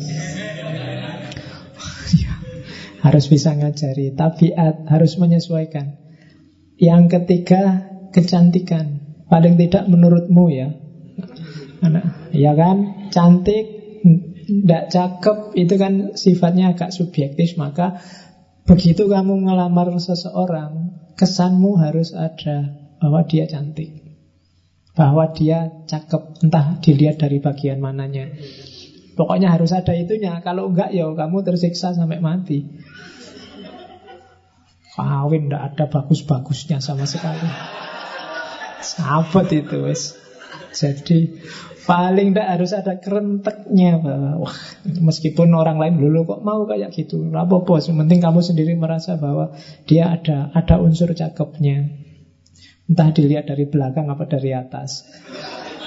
Oke, terus yang keempat sama Ghazali dibahas juga tuntutan mahar. Mahar itu katanya Ghazali jangan mau terlalu mahal mesti di belakang jadi masalah atau terlalu murah juga akan jadi masalah.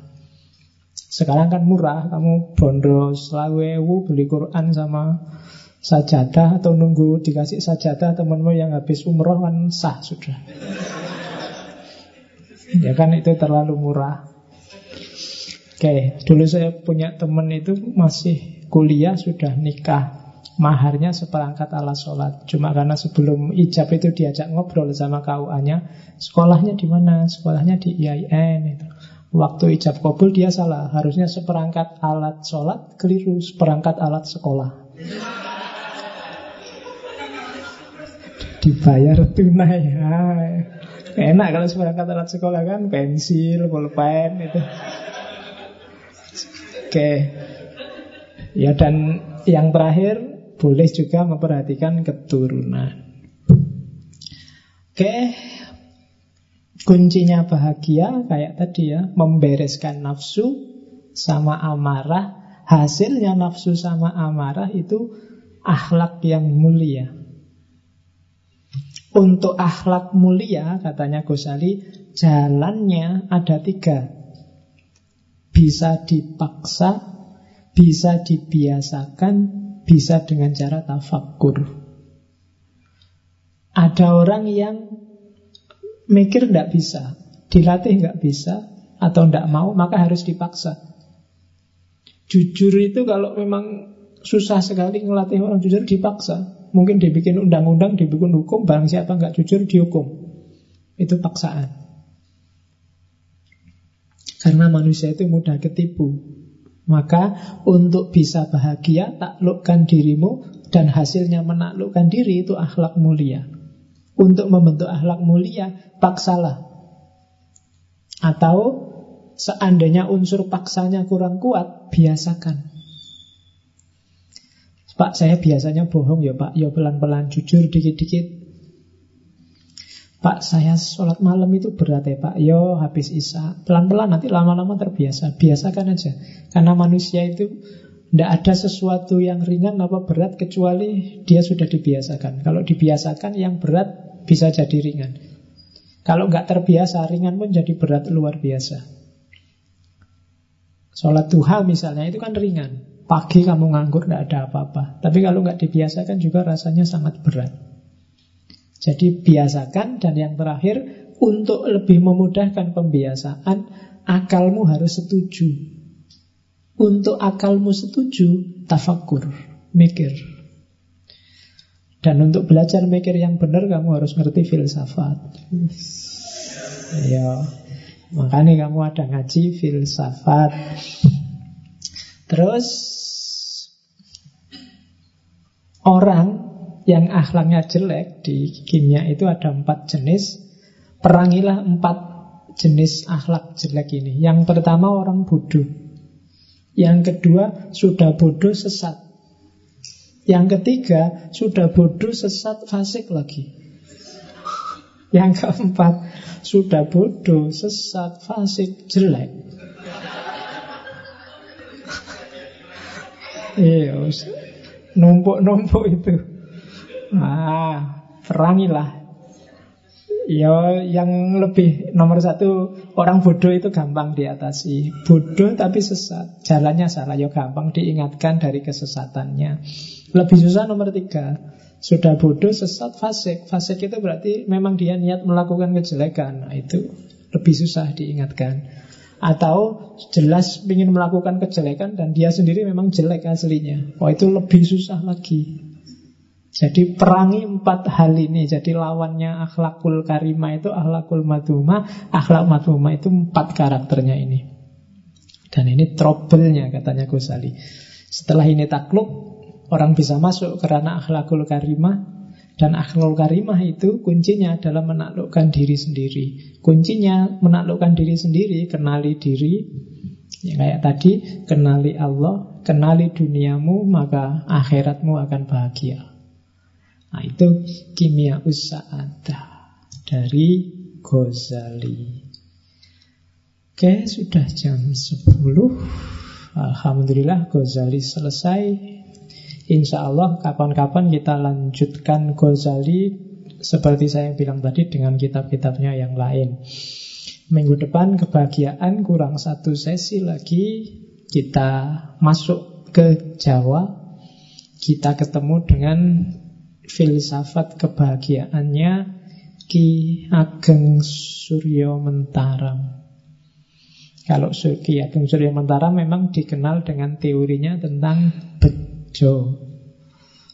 Uh, iya.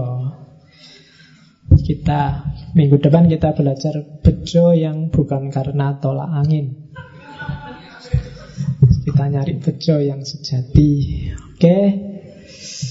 Saya kira itu kurang lebihnya mohon maaf.